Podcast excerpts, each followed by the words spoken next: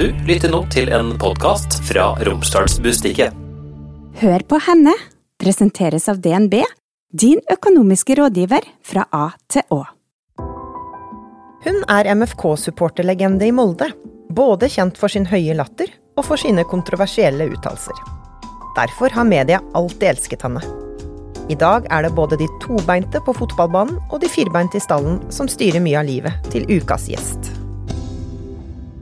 Eva-Britt Mauseth, velkommen til Hør på henne. Tusen takk for det, kjekt å få lov å være her. Hvordan går det? Det går veldig bra nå, for nå eh, går vi litt mot varmere og lysere tider, og det er noe som er bra for meg som har tilhold på Skaret.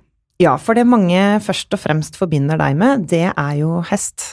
Apropos Skaret, og fotball. Men jeg tenkte jo at vi skulle starte med, med fotball i dag. Du har jo vært MFK-supporter i mange år. Hvordan starta det forholdet egentlig? Eh, Det starta tidlig 70, og det var faren min som dro med meg på kamp.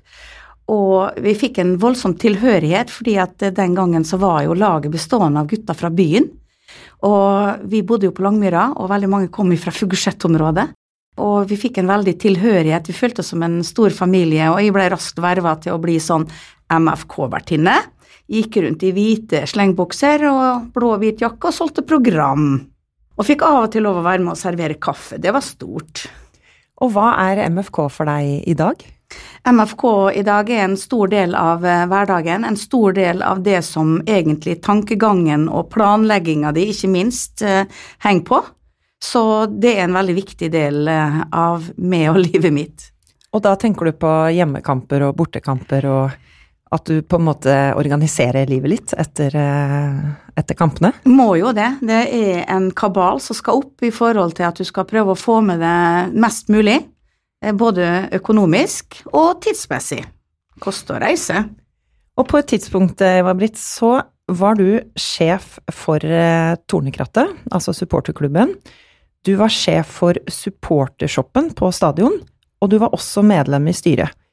Og dette tror jeg da var eh, rundt 2009. Hvordan brukte du de posisjonene til å påvirke MFK? Når det er sagt, så tror jeg ingen kan eh, påvirke MFK. Men jeg prøvde i så stor grad å påvirke for supporterne sin eh, forhold, og bli mer respektert, få mer anseelse, få litt mer tilrettelagte ting. Men det, det er ikke så veldig enkelt, men jeg tror, og jeg veit vel at i ettertid, at Tornekrattet fikk en, en, en behørig bedre stemme. Og som supportersjef så ble det jo en del eh, medieomtale rundt eh, forskjellige ting som du foretok deg. Og du beskrives gjerne som en omstridt leder. Hva tenker du om det? Det syns jeg bare er positivt, fordi at du skal ha lov til, og du bør, tørre å stikke frem hodet når det er ting du brenner for. Og dette gjelder jo veldig mye følelser. Så det å være omstridt, det ser jeg kun på som eh, positivt. Og eh, omstridt, det kan være så mye, det. Det kan være at du ikke er enig med en person, men det trenger ikke være at den personen har feil eller har gjort noe feil. Det kan bare være at man har turt å ta bladet fra munnen og gjøre og si noe som ingen andre hadde turt før det, og så er du den første til å gjøre det. Så baner du kanskje litt vei, og så er det òg i dette miljøet her slik at eh, hvis du får oppmerksomhet, så får du alles oppmerksomhet. Og hva slags supporterklubb ønska du å skape når du var eh, sjef? Du har jo vært sjef i to perioder. Når jeg dro fra Molde, så hadde jeg knapt vært på nye Aker stadion. Eh, Det var ikke sånn at jeg var så veldig ofte hjemme fra Nederland.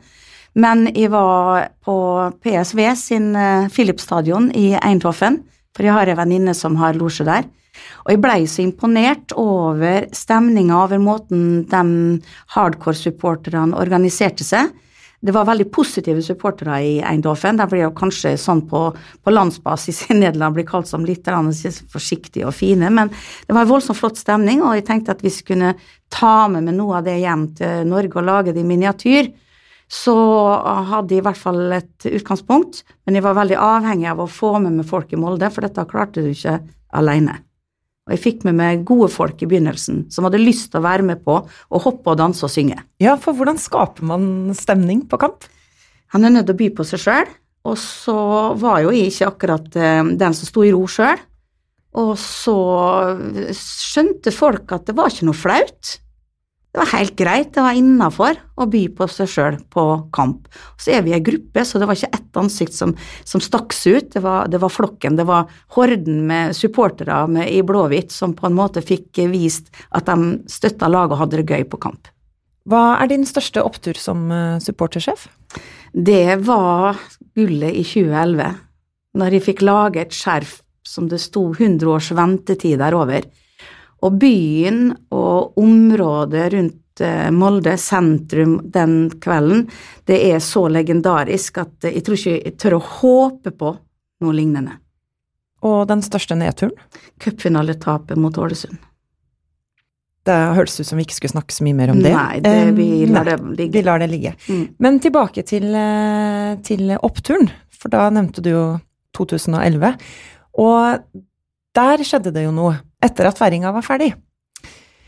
Eh, hva husker du rundt eh, den episoden, altså da du faktisk eh, kjørte bil etter å ha drukket alkohol? Ja, vet du, det var en, eh, det var en veldig dum vurdering av meg. Jeg hadde vært på gullfesten og drukket vin til maten. Jeg undervurderte rett og slett inntakenheter og satt meg i bilen og skulle kjøre hjem. Det er en, en, en sak som på en måte har forfulgt meg, og som jeg aldri føler at jeg blir helt ferdig med. Men jeg lærte fryktelig mye av det, for man skal være kjempeforsiktig. Selv om man sjøl føler at man på en måte har kontroll, så er ikke du, du har ikke kontrollen. Og hvordan tenker du rundt det i dag? Altså dette med alkohol og bilkjøring? Nei, jeg syns det Altså, jeg kommer jo fra Nederland, hvor man er liberal på det meste i denne verden som går an å være liberal på. Hadde nok kanskje litt med meg i bagasjen det, men jeg syns det er helt greit at man i Norge har den bestemmelsen og den grensa som de har. For det gjør jo at sikkerheten på veiene våre og rundt de myke trafikantene ikke minst, er godt ivaretatt. Og så skal du jo ha uttalt i etterkant, eh, altså før du skulle inn og sone fengselsstraffen som du fikk, at det bor en fyllekjører i oss alle. Hva mente du egentlig med det? Ja, jeg skjønte at den kom, og jeg har tenkt fryktelig mye på det, for jeg fikk aldri muligheten til å på en måte rette det opp, for jeg dro jo av gårde da dagen etterpå. Og har eh, etter den tid alltid kvalitetssikra intervju for å være sikker på at de blir sitert rett, at ikke de vrir om, at ikke overskriftene er noe helt annet enn det det gjelder. Og i denne saken her så ble jeg tatt litt på senga, for han journalisten ringte når vi satt på Gamle Molde og spiste middag, vi Tornekrattet og vennene mine, eh, etter seieren. Og jeg refererer til en artikkel som jeg har lest, ikke av en forsker, men av en som på en måte gjør litt studier og har litt tanker rundt dette her om hva er ruskjøring. Og han hadde uttalt at det ligger en potensiell fyllekjører i oss alle. Det sa jeg til han eh, journalisten. Men jeg ga han også et eksempel på hva artikkelforfatteren hadde brukt som eksempel, og det var hvis du f.eks. sitter og spiller dataspill en hel natt, kjører på med energidrikk, setter i bilen om morgenen og kjører til jobb eller skole, er du da nykter? Og dette var jeg sa til journalisten, og så blei det overskriften. Og jeg kunne ikke gjøre noen ting med det. Hva tenker du om det nå, i ettertid? Eh, ingen får lov å trykke et skrevet ting uten at jeg har lest det først. For jeg blei altså det, det, var så skremmende, og det var så ydmykende, egentlig, at ingen trodde på at dette her var ikke sånn jeg hadde sagt det. En sånn setning kom ikke ut av hodet mitt. Hvordan i all verden kunne jeg komme med noe sånt? Jeg er jo ikke noen forsker eller har noe formening om hvordan folk generelt er. Så det der, der var et, et, en skremmende opplevelse. Så du har blitt nøye på det som vi kaller sitatsjekk? Veldig. Du sona jo straffen i Verdal fengsel. Verdalen, heter det kanskje? Jeg vet ikke. Hvordan var det? Det var veldig spesielt. Det var veldig annerledes enn eh, jeg hadde trodd. Men det er ikke et sted jeg vil anbefale noen å oppholde seg. Men lærte du noe av det? Jeg lærte at norsk fengselsvesen har store utfordringer. På hvilken måte da? Nei, det var fryktelig, fryktelig mange uheldige episoder. Mye rart. Øh, vanskelig å ha kontroll. Hva, hva, gjorde du? Altså, det var tre uker, ikke sant? Eh, du skulle sone. Hva, hva, holdt du på med i, i den tida? Nei, det var slik at vi ble jo bare satt til ulike oppgaver, da. Og da var jo egen avdeling for damer, og alle dem var satt til å vaske og være i kantina, og så måtte jeg spikre paller. Du måtte, eller var det et valg? Nei, det var, det var greit. Og når du møtte opp til soning, da stilte du i gullkjole, stemmer det? Nei. Nei, det er ikke riktig. Nei. Nei. Eh, Jeg kom jo omtrent rett ifra feiring, så jeg hadde gullskjerfet med meg. Det var det. Nettopp. Ja. En annen sak som fikk mye oppmerksomhet, eh, det var vel i 2020, når du og deler av eh, styret trakk dere fra Tornekrattet etter MFKs håndtering av Forhen-saken. Hva tenker du om det i dag? Jeg ville ha gjort eh, absolutt eh, det samme i dag, og det står jeg så 100% for. Enten det nå var foran eller noen andre, så spiller det ingen rolle, det er en prinsippsak i forhold til at hvis noen har et problem, så må man prøve å hjelpe og ikke tråkke ned. Og foran han var en offentlig person, derfor så ble dette her veldig, veldig mye mer enn om det hadde vært noen andre. Og jeg syns ikke at en arbeidsgiver skal oppføre seg på den måten overfor en ansatt, for det er det Vegard Forhen var. Har du angra på det i ettertid, at du trakk deg? Nei, fordi at jeg, valg, jeg velger alltid å på en måte stå i det. Og hvis noen som så du spør meg i dag, så har jeg akkurat den samme formeninga. Jeg ville ha gjort det igjen om det var en annen spiller med et annet problem. Eh, selvfølgelig når det gjaldt Vegard Forhen, så en sak har alltid to sider. Og jeg lærte vel veldig mye om begge sidene, og så valgte jeg min side.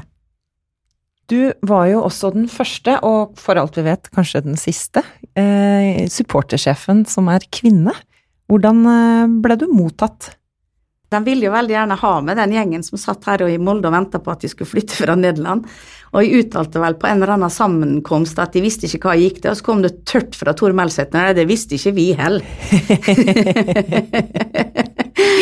og det har han vel helt rett i, for jeg la mitt eget preg på det, og det jeg var ikke interessert i at noen skulle fortelle meg hvordan jeg skulle gjøre dette her. Det var bare å hive seg ut i det, og så prøve å lage mest mulig blest rundt uh, Tornekrattet, mest mulig blest rundt det å være supporter, og støtte laget, som sagt, og det tror jeg at de lyktes med. Jeg var veldig dårlig likt av andre supportere, men det var jo ikke noe rart. Jeg ble jo intervjua hver uke mens de aldri fikk lov å si noen ting på media. Rett og slett eh, fordi du hadde den eh, posisjonen du hadde, eller hva var grunnen til at, at du fikk mye oppmerksomhet? Liker ikke media noen som tør å være den han er, og liker ikke media at noen sier noe som blir litt rart, og som man faktisk kan le av, eller i hvert fall eh, gjøre en gimmick ut av. Og jeg ga jo av meg sjøl så det holdt. Så det var jo ikke Det var jo bare å legge på 50 øre, det, så fikk du igjen for 10 kroner. Var du deg sjøl hele veien? Ja. Og jeg elska å være der jeg var, for jeg syntes at det var så viktig. Fordi at eh, alltid når det var intervjua folk i supportermiljøet, så var det noen sånne der karer, vet du. Eh, boldhead og voldsomt til aggresjon og lite seriøsitet. Og så tenkte jeg at dette her er jo egentlig ikke Det gjenspeiler jo ikke supporterkulturen. Vi er jo så forskjellige, vi er jo så mangfold. Du var jo også sjef for eh, Supportershoppen, eh, som jo ble lagt ned i 2013. Hvorfor lykkes ikke du og klubben med den, tenker du? Å ja, det tenker jeg mye om. Jeg syns vi lyktes veldig. Jeg syns at eh, det å ha supportershoppen på stadion var helt unikt, og det åpna opp for at folk kunne komme innom og kanskje var de heldige, traff de på en spiller. Du kunne titte ut på den fantastiske gressmatta og se noen trene. Alle var inne der og kjøpte billett, og de ordna seg med supportereffekter og sånn. Sånn at jeg syns det var en suksess, og når vi går over til det litt mer dramatiske, da, så har jeg jo ikke fått lov å analysere regnskap sånn som vi ville, men vi betalte altså 400 000 kroner i husleie i året inn til MFK. MFK henta ut alle sine effekter, alt det de skulle bruke internt, til en kostpris, selvfølgelig. Og da var det altså vi ansatte i supportershoppen som både trykte og ordna og styra, sånn at jeg syns ikke regnskapet, om det nå var et lite minus, så var det ikke et minus. Så jeg syns supportershoppen skulle få lov å leve. Det var vel ikke shoppen som var et problem, det var vel noe annet som var et problem. Og hva var det? Det var verdi. På hvilken måte da? Jeg ble vel litt mye, sikkert. Har du forståelse for det, for at noen kan synes det? Ja. Rett og slett. Som styremedlem så har jo du vært med på å ta tøffe avgjørelser tidligere. Blant annet eh, var du med på å gi Kjell Jonevre sparken i 2010 på grunn av dårlige resultater. Hvordan var det?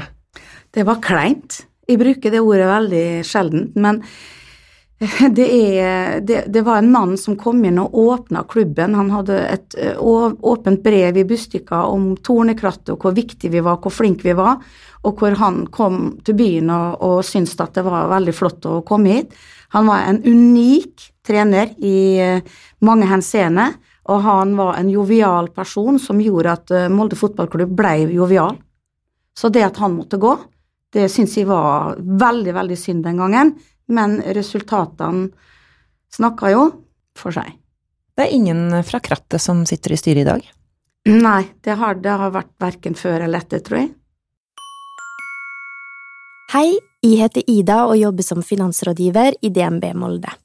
Visste du at seks av ti spareavtaler i fond tilhører menn, og at menn har en bruttoformue som er 1216 milliarder høyere enn kvinner? Det tilsvarer et helt statsbudsjett. Bli med og tett kapitalgapet.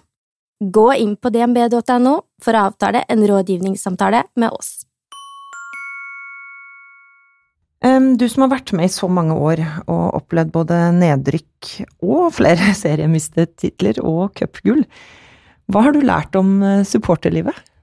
Supporterlivet kan være så fantastisk, og det er jo det som gjør at du kanskje eh, i min alder fremdeles liker å være på inngang 13. Det er helt uh, spesielt. Kjedelig å sitte i ro i to omganger og se på. Da må det være andre forhold som gjør at du gjør det. Men det kan være forferdelig. Supporterlivet kan være forferdelig, for det er så mye følelser. Det tar det beste frem i det, og det tar det verste frem i det. Og da tenker ikke bare dem som er dine medsammen, medsupportere og medsammensvorne, men det er vel kanskje det som går ut på landsbasis med så mye eh, hva skal jeg si, aggresjon og så mye som sies uten filter og uten forståelse av at faktisk dette gjelder vi, vi alle mennesker. Så jeg har stått i det og syns det har vært mer givende enn en motsatt, men jeg ba familien min i en periode om å ikke lese på nett. Såpass? Hvorfor det? Nei, det hva som jeg sa, det er mye følelser. Og når jeg får så mye oppmerksomhet rundt Tornekrattet og Molde fotball, så syns nok eh, en del av våre største konkurrenter, ikke når det gjelder antall, for vi er små, Tornekrattet er liten, men jeg hadde en forferdelig skarp stemme. Og en stemme som blei hørt, og så som sagt så fikk ikke de andre kanskje lov å komme frem med sine meninger like mye som meg. Og da blir det sjalusi, vet du, og da står de og, og roper, og da må de bruke meg som på en måte eh, til et eller annet som er negativt istedenfor positivt. Men når det er sagt, så har vi en uh, gjeng som heter Stabæk-fansen. Uh, de ring, pleide å ringe med dem når de var på vei oppover i bussen, og sang dem til meg på bussen. Og da hadde de ett klenge nå, det var Famous. Where's the Famous? og kom ikke på 1911 til de kom, så ropte de 'Where's the famous?' og så når de kom, da, så sa de at de hadde bestemt at de skulle lage en statue av meg, og den skulle stå utafor Sandvika Storsenter. Du store, ja, har det de kommet har noen statue ennå? Nei, de har ikke gjort det, vet du. er det litt godt å bare være supporter og ikke være leder, eller savner du å være sjefen? Nei, jeg syns det er kjempedeilig å være leder, men det er veldig lett for å bry meg, da selv om du nå er i hermetegn vanlig supporter. Ja. ja. Hva hadde livet vært uten MFK? Fryktelig kjedelig. Jeg pleier å si det på helg når ikke det er fotball gjennom den sesongen, så pleier jeg å si hva i verden gjør de på dem som ikke driver med hest? Og når fotballsesongen kommer, så tenker jeg hva gjør de på dem som ikke liker fotball? er det et elsk-hat-forhold du har til MFK, eller er det kun elsk? Jeg vil si at det er et Eh, elskeforhold, fordi at jeg har aldri vært av den typen som skal være for negativ. Jeg kan være kritisk, men det setter jeg faktisk eh, Det mener jeg at jeg kan få lov å være. Eh, fordi at hvis ikke vi skal være kritisk, så, så, så, så mangler det litt en, en, en odd, en gnist. Men jeg elsker laget. Er du like mye Molde-patriot som MFK-supporter?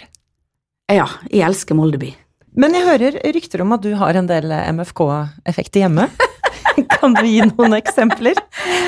Eh, alle har sikkert eh, som er supporter balkong, flagg og skjerf og litt sånn, men jo da, jeg har eh, x antall vinglass i eh, keramikk med MFK-logoen på.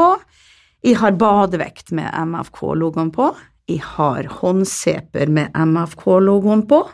Og ikke minst jeg er den eneste som har marmorbord på terrassen med MFK-logo slipt inn. Det veier forbaska mange kilo, så det går ikke an å flytte på det. Og hvor har du fått tak i det? Eidestein. Nettopp. Mm. De tar imot spesialbestillinger. Ja, men bare til meg. The famous. Det, det, ja, the famous.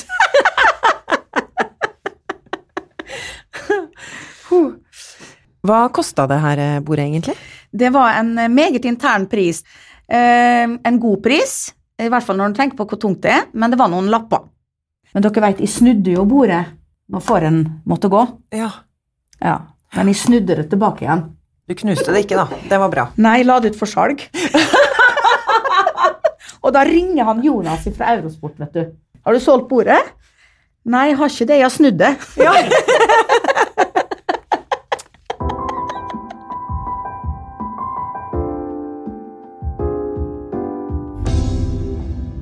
Da skal vi over eh, fra fotball til de firbeinte. Hva er det med deg og hest? Det er nesten så jeg blir rørt. Mm, ser du det? Jeg ser det kommer en Mm. liten tåre her nå. Det er alt. Kan du prøve å beskrive det litt videre? De har hjulpet meg i alle stunder. Og så er det et eh, ordspråk som heter at på toppen av en hesterygg så glemmer du alt, alle dine virkelige sorger, pluss de innbilte. Hvor mange hester har du nå? Nå har jeg bare to som er mine egne, men jeg har jo liksom 12, 13, 14 da, som blir mine egne, for jeg har jo ansvaret for alle skolehestene, og de vet veldig godt hvem jeg er. Og på hvilken måte kom hest inn i livet ditt? Du, han pappa han eh, bodde så nærme disse her tyske stallene som var der Romsdal videregående er nå. Og han hang i stallen og stjal egg fra mors side og ga til disse her eh, tyskerne, og så fikk han ri. Og så stjal han enda mer egg og ga til de russiske fangene. Og det er han som starter eh, klubben?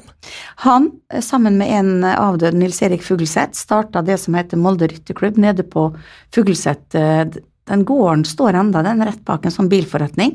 Og så noen år seinere så var det tid for at vi delte oss og gikk ut i to klubber. Det var liksom to interesseområder om forskjellige ting. Og da, da var det da Molde hestesportsklubb. I Molde hestesportsklubb så var primus motor for oss å sette opp det anlegget som nå står på Skaret. Og hvilken rolle har du hatt i klubben opp gjennom åra? Du, jeg har faktisk klart å være leder i klubben når jeg gikk på videregående, og så når jeg flytta, så var jeg alltid veldig aktiv når jeg var hjemme og sånn. Hadde treninger og prøvde å hjelpe dem som var unge og fremads, fremadstormende. Og så nå når jeg flytta hjem i 2007, så gikk jeg inn som leder igjen, og var leder helt til jeg tok over som daglig leder. Og hva er det med hest som er så fascinerende, eller hva er det med egenskapene til de dyra? Mm. Eh, kunne, da kunne jeg holdt på i mange timer, da. Men jeg skal prøve å koke det ned til det som er at når du blir møtt av en varm og myk mule, noen store tilbedende øyne, noen spissede ører som er veldig opptatt av dine bevegelser, din stemme og det du har tenkt å gjøre, og at sammen med hesten så klarer du altså å utføre en hel masse med operasjoner. Hesten er 500 kilo. Nå er jeg ikke så lett lenger heller, da, men det er en stor forskjell. Så er det et unikt samspill og et samarbeid som jeg tror ikke du får med noe annet dyr. Du har jo selv også bodd på gård i, i Nederland og holdt på med avl av hester. Mm. Hvordan havna du der? Eh, Det var sånn at eh, han som jeg var gift med, han eh, rei veldig topp, topp, topp. Han var norgesmester to ganger, innendørs, utendørs. Så det ble fire. Og han reiv rei v-cup og verdensmesterskap og europamesterskap, og det ble fryktelig dyrt og fryktelig langt å reise fra Norge og ned til Sentral-Europa, hvor sentrum av hestesport befinner seg. Og han var jo opprinnelig nederlender, så det var jo ikke noe vanskelig valg for han å ta å flytte til Nederland, men det var et veldig vanskelig valg for meg. Jeg syntes det var kjempetøft å forlate Norge. Men eh, det livet på den gården med unghestene og med føll og med alt dette der, det kompenserte for at de mista, kan du si, den daglige tilværelsen som vi hadde i Norge, da. Og hvor møtte du mannen din? På et ridestevne i Bergen. Selvfølgelig. Pappa var dommer, og jeg var utøver. Eh, Han het eh, George. George Remmen het han. Ja. Og hva slags liv levde dere i Nederland? Jeg fikk oppleve alt jeg hadde drømt om i forhold til det med hest. Jeg forlot jo jobben min som å undervise i data, og tok over regnskap og drift av gården, for det var en stor business. Eh, Vi håndterte store sponsorer, vi hadde hesteeiere, vi hadde lærlinger, vi hadde elever. Det var masse hest, det var masse konkurranser. Flotte arrangement. Det var et utprega sosialt liv. Vi bodde i sør, rett ved Eindhoven. Det var bare en liten svipptur, så var vi i Antwerpen, Brussel, Amsterdam. Eh, og han var heldigvis litt skrudd sammen, sånn som meg. Vi var soulmates. Hadde like stor appetitt på opplevelser av livet som meg. Så når vi hadde fri, så dro vi av gårde på motorsykkelen. Vi, vi klarte å på en måte legge jobben vår bak oss, for den kan jo bli fryktelig altoppslukende. Og det var han jo, og det ville jeg at han skulle være òg, men vi var flinke til å leve. Og så opplever du å, å miste mannen din. Mm. Hvordan var det? Han fikk jo eh, kreft, så vi fikk ett og et halvt år på å på en måte forberede oss, men du blir aldri forberedt. Der satt jeg nå, da, i oktober i 2003, alene med noen ansatte og en haug med hester. En kjempesvær gård som skulle driftes. Og det siste han sa til meg, det var at de fikk ikke lov å bo der, og de fikk ikke lov å prøve å få det til. For han visste hvor mye arbeid det var, så han ville at de skulle selge og dra hjem til Norge med en gang. Men jeg tenkte det, jeg kryssa fingrene bak ryggen og sa ja. Og så prøvde Bitte litt jugekors der. ja, var det, gitt. Det var, jeg var ikke helt ærlig der, men jeg tenkte at det får bare stå sin prøve. Og så var jeg der i tre og et halvt år. Det var også fantastisk, jeg har ikke ville vært det foruten, men jeg innså at han hadde rett. Eh, Det var en sånn greie, vet du, vi for der i, i traktor, og så sa de alltid der nede at når du kjører traktor, så blir du sånn borebrøyn. Det er altså, du blir sånn bondebrun. Du er veldig brun nedover armene, også i halsen. Så tenkte jeg, det kan ikke bli, så jeg kjørte traktor i bikini. det må ha vært litt av et syn. Det var mange som kjørte forbi. Og syntes det var et artig syn. Men jeg blei ikke bordbrøyn. Men du snakker flytende nederlandsk? Det do jeg vel? Eh, Ja, ja antar jeg. Eh, Ja, det gjør jeg. Ja, det gjør du. Mhm. Nettopp. Mm. Um, men hvordan opplevde du det å, å bli enke i ganske ung alder? Ehm, det er jo ikke noe du ser for deg i det hele tatt, og vi sto i, i den beste tida i karrieren vår, begge to, i forhold til at han var så topp. Han var jo kvalifisert til å representere Norge i et verdensmesterskap og hadde poeng i World Cup, og jeg hadde funnet min nisje med det jeg holdt på med med unghest og utdanning av unghest.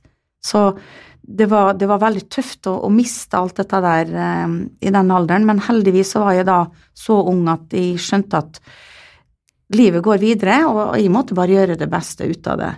Men når jeg flytta tilbake igjen eh, til Norge, så visste jeg i hvert fall det at jeg etterlot meg et eh, renommé, og jeg etterlot meg eh, kanskje også et savn, fordi at jeg var den jeg var der nede òg, likedan som jeg var her. Og barn ble det ikke, var det et bevisst valg? Eh, indirekte ikke, men det kokte vel ned til at eh, jeg ikke kunne få barn. Uten at de på en måte stressa det, eller Det var Men når dette her skjedde i 2003, så ville kanskje mange si åh, nå er jeg så lei meg for at jeg ikke har barn. Jeg var veldig letta for at jeg ikke hadde barn. Hvordan da? Det var så store omveltninger, det var så mye jobb, det var så mye, det var så mye, mye, mye. Og jeg lærte også hvordan penger og arv kan gjøre situasjonene helt forferdelige. Så jeg var veldig glad for at jeg bare hadde meg sjøl å ta vare på, da.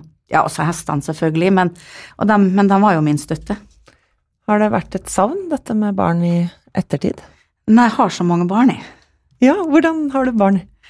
Jeg har så mange barn eh, som ser på meg som sin mentor, eh, som sin eh, lærer, som sin støttespiller, eh, at jeg har ikke tida til å savne barn. Jeg tror mitt barn hadde blitt sjalu om de hadde vært barn av meg i dag. Når jeg tar med av alle mine grandnieser og filletanter til en hel haug med jenter som bare elsker å være sammen med meg, og jeg elsker å være sammen med dem. Når du sier at du er eh, støttespiller og mentor, hva er det du da prøver å lære barna dine i hermetegn? Ja, da prøver jeg å lære dem til å bli selvstendige og ikke ta seg sjøl så høytidelig. Tørre å være seg sjøl, tørre å gå ut i verden og bare prøve ut ting. Eh, for det tror jeg er veldig viktig, for det former det mennesket du blir etter hvert slik at du igjen kan gi fra deg dine erfaringer til neste generasjon og til omgivelsene dine. Jeg tror det er kjempeviktig å ikke tenke hele veien på, på hva som kan, kan, skje hvis at det er sånn, det som skjer. Hva skjer da? Hvor kommer det motet ditt fra til å være deg selv 100% Jeg veit faktisk ikke. Kanskje en kombinasjon av min mor og far, men de gikk jo aldri så hardt ut som det jeg gjorde. Jeg husker det sto i karakterboka mi når jeg var fjerdeklassen, at selv om Eva-Britt mener det godt, så går hun veldig høylytt ut og forsvarer sine medelever, og det gjør hun på noe nesevis måte. Nesevist, faktisk. Nesevist, men da var jeg i fjerdeklassen på Langvera skole. Det er lenge siden, Vera. Du har jo aldri vært redd eh, for å si det du mener, eh, og du har også vært aktiv i politikken, og da for Høyre og i Bjørnsonfestivalen, og vi har sett deg i 17. mai-komiteen. ja. Elsker alle sammen, jeg. Det er å få lov å gjøre noe for Molde. Er det det det handler om? Altså... Det handler politikken om. Det er å få lov å gjøre noe for den byen som er så fantastisk, og som gir meg så mye. Tenk å få lov å være i den situasjonen så privilegert å få lov å sitte i kommunestyret i åtte år, være med på å bidra til at sjøfronten er en realitet. Det var viktig for meg. Så fikk jeg bare ta det at jeg ikke kanskje var like ivrig for andre ting i kommunen, men jeg syntes det var veldig viktig. Jeg kom fra Nederland, fra kanalene, hvor vi satt sommerdager ned mot kanalene og bare nøyt eh, ettermiddagene, og så tenkte jeg hvorfor kan ikke vi gjøre det i Molde òg? Klart vi kan, nå kan vi det. Ja, nå begynner vi jo virkelig å se resultatene. Jeg er så fornøyd. Jeg syns det er så fantastisk. Så det er ikke mitt bidrag, men jeg var med på det. Jeg har lov å si det. Og når det gjelder Bjørnsonfestivalen, så er det en fantastisk festival. Det å få lov å være med på prosessen frem til festivalen, det er noe jeg kommer til å savne når jeg går ut av det. Savner vel kanskje ikke 17. mai-komiteen så mye, for det var fryktelig mye arbeid, men eh, veldig kjekt på 17. mai. Får vi se deg eh, til hest på 17. mai i år? 17. mai-hesten Stille. Hva heter 17. mai-hesten? Han heter Ivo. Det er en nederlandsk eh, friser som jeg hadde med meg fra Nederland da jeg flytta igjen. Så han har fulgt meg, han er nå 21 år. Han har fulgt meg i 20 år. Og hva betyr Ivo for deg? Mm, det er mye, det. Da var vi der igjen. Ja. ja.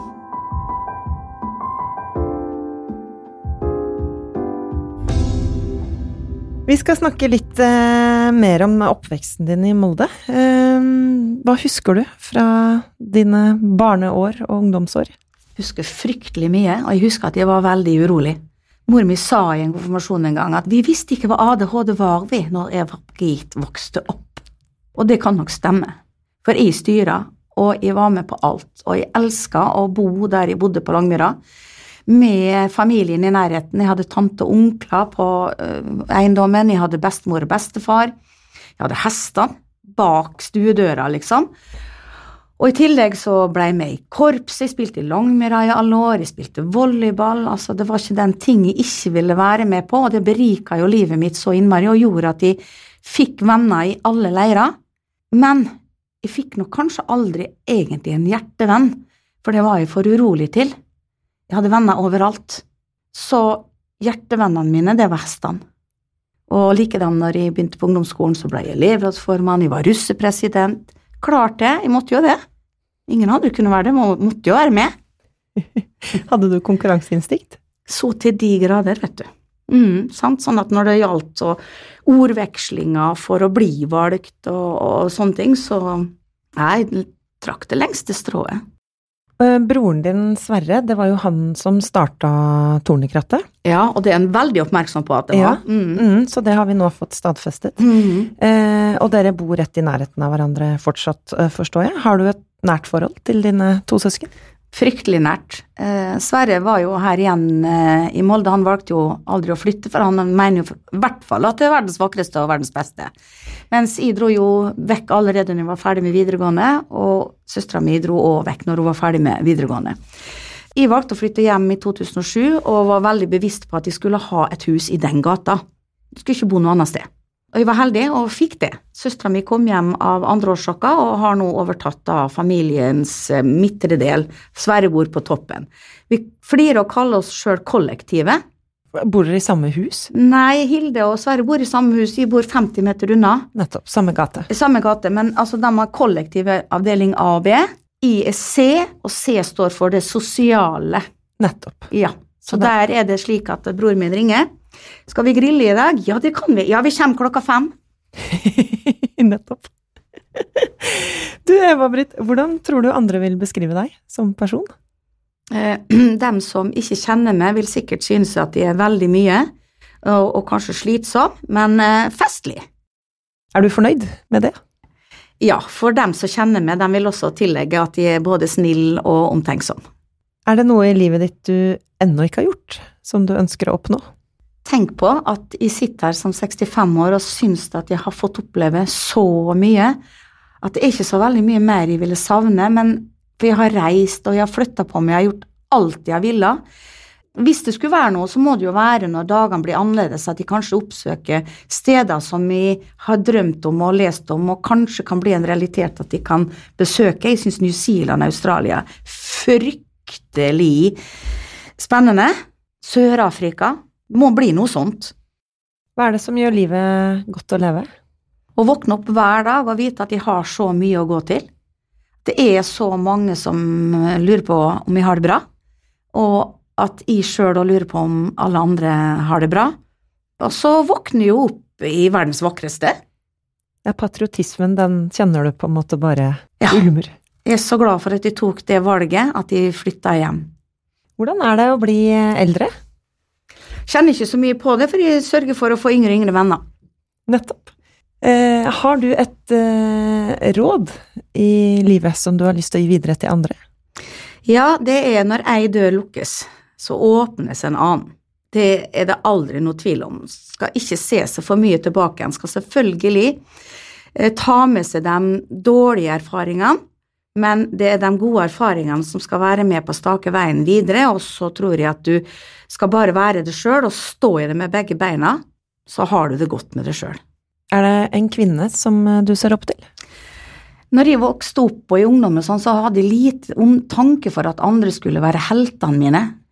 Verken popstjerner eller skuespillere eller noe som helst, men det demra for meg her for noen år siden at hun som jeg syns var slitsom og pain in the ass som sidekommentator i fotball, en har nå utvikla seg til å bli mitt forbilde, og det er Lise Klaveness. Nettopp. Mm. Eva Britt Mause, tusen takk for at du var gjest i Hør på henne. Takk for at jeg fikk komme, Vera. Hør på henne er laget av Romsdals Bustikke. Produsenter er Stian Viken og Hanne Fleischer. Mitt navn er Vera Henriksen. Har du ris, ros eller innspill til gjester? Send meg en e-post på hennealfakrøll-r-b.no. Følg oss også gjerne på Instagram, så håper jeg vi høres snart. Hør på henne presenteres av DNB, din økonomiske rådgiver fra A til Å.